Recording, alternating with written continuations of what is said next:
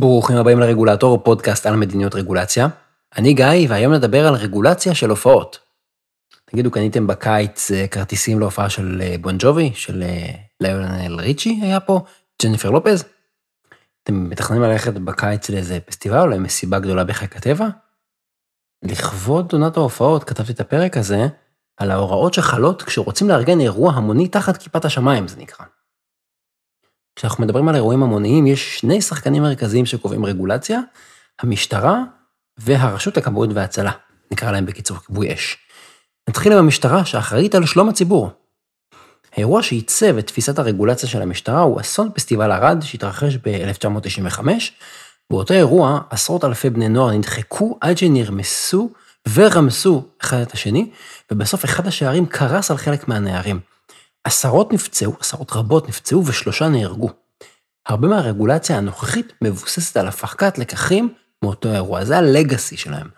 המשטרה עוסקת בצמצום סיכונים ביטחוניים, אה, בין אם זה פלילי או פח"ע, וגם מפני מצב שההמון נפגע בעצמו, כמו שקרה בפסטיבל ערד. ההוראות של המשטרה נקבעות במפרט רישוי עסקים. אה, מה שהם אומרים שם בעצם שכדי לקבל רישיון עסק לאירוע המוני תחת כיפת השמיים, אז אה, מארגן האירוע צריך לעמוד בכל מיני דרישות, ואני אתן לכם פה כמה דוגמאות. בגדול, מארגן האירוע צריך לפנות למשטרה מראש ולהגיש בקשה לקיים את האירוע. הבקשה הזאת צריכה לכלול די הרבה מידע. למשל, הם צריכים, אתה צריכים לצרף אה, מפה מצבית. זו מפה שכוללת את שטח האתר, מיקומי מכלי גז, דלק, מיקום של אמצעי תאורה, פתחים של כניסה ויציאה, אה, נקודות אבטחה ועוד. בנוסף, אתם צריכים לצרף חוות דעת מומחה על מספר האנשים ששטח האירוע יכול להכיל ועל עוד שורה של עניינים. לכל אירוע נקבעות הוראות ספציפיות לפי המאפיינים שלו, למשל לפי המפה המצבית או לפי מספר המשתתפים המיועד, אבל יש דרישות בסיס אה, כלליות כאלה שחלות על, על כמעט כל האירועים. הנה כמה דוגמאות.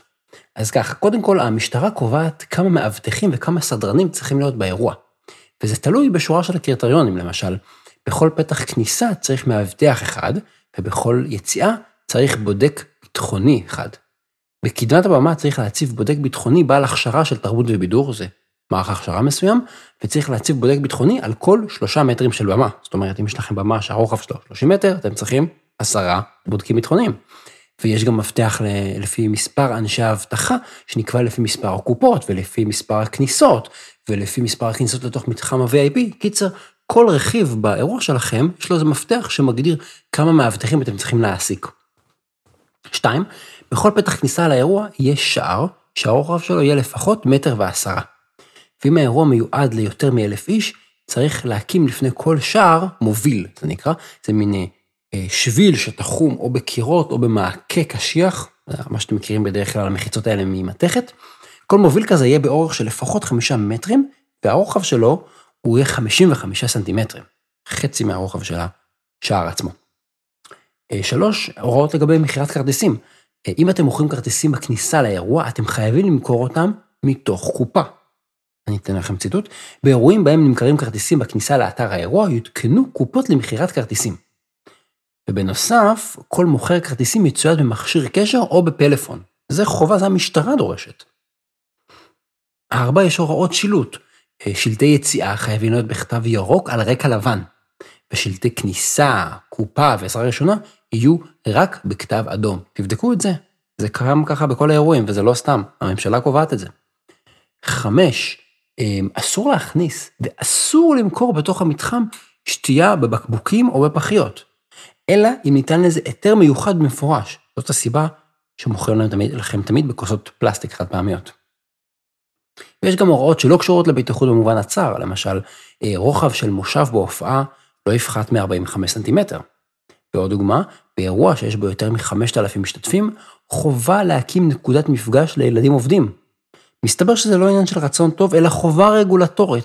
המשטרה לא דורשת את זה עבור אירועים יותר קטנים, רק מ-5,000 משתתפים ומעלה. בואו נעבור לכיבוי אש, כיבוי אש באירועים המוניים. המשימה של שירותי כיבוי אש מאוד מאוד ברורה, להגן על הציבור מפני סיכוני אש. וגם לכבאות, כמו למשטרה, צריך להגיש בקשה מראש ובכתב. והנה חלק מהדרישות מתוך מפרט רישוי עסקים של הרשות הארצית לכבאות והצלה.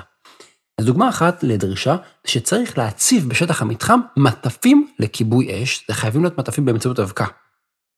ויש מפתח גם לזה, למשל על במה בגודל של עד 100 מטר רבוע, יהיו שני מטפים של 6 קילו כל אחד. ואם הבמה יותר גדולה, צריכים ארבעה מטפים.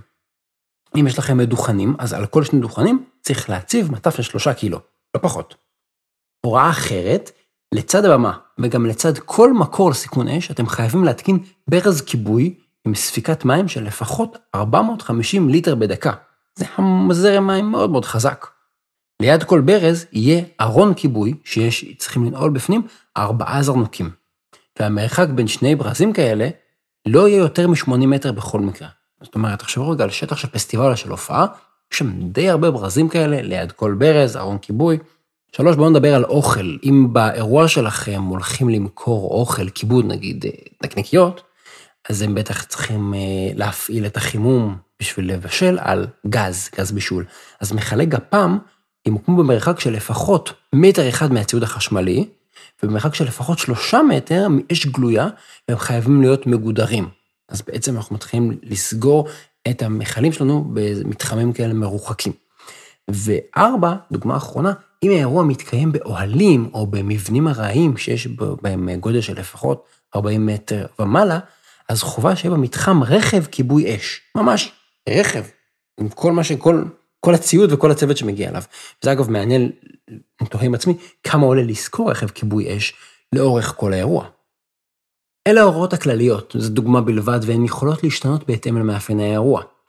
אז בפעם הבאה שתלכו להופעה, חפשו את המתקנים, חפשו את הסידורים, חפשו את השלטים, תספרו כמה אנשים עומדים בכל עמדה, הם כנראה הוצבו שם לפי הוראות או של המשטרה או של כבאות. כמובן שלא יכולתי לספר כאן על כל ההוראות, אבל אם תסתכלו מסביב, תזהו המון המון דברים ששם, ששם לפי דרישה מפורשת של הממשלה. כמו שבטח ראיתם, הרגולציה קיימת כמעט בכל מקום ובכל זמן. וחשוב שנכיר ונבין איך היא עובדת ונשים לב, כי היא מלווה אותנו ממש בכל מקום, בבית, בעבודה, בחגים, ואפילו בהופעה של ג'ניפר לופז. זהו, עד כאן להיום, תודה רבה שהאזנתם לעוד פרק של הרגולטור. אתם מוזמנים לעקוב אחריי בפלטפורמות השונות, כמו גוגל פודקאסט ופודבין. תודה רבה ליותם רוזנטל על עריכת הסאונד, התכנים משקפים את דעותיי בלבד.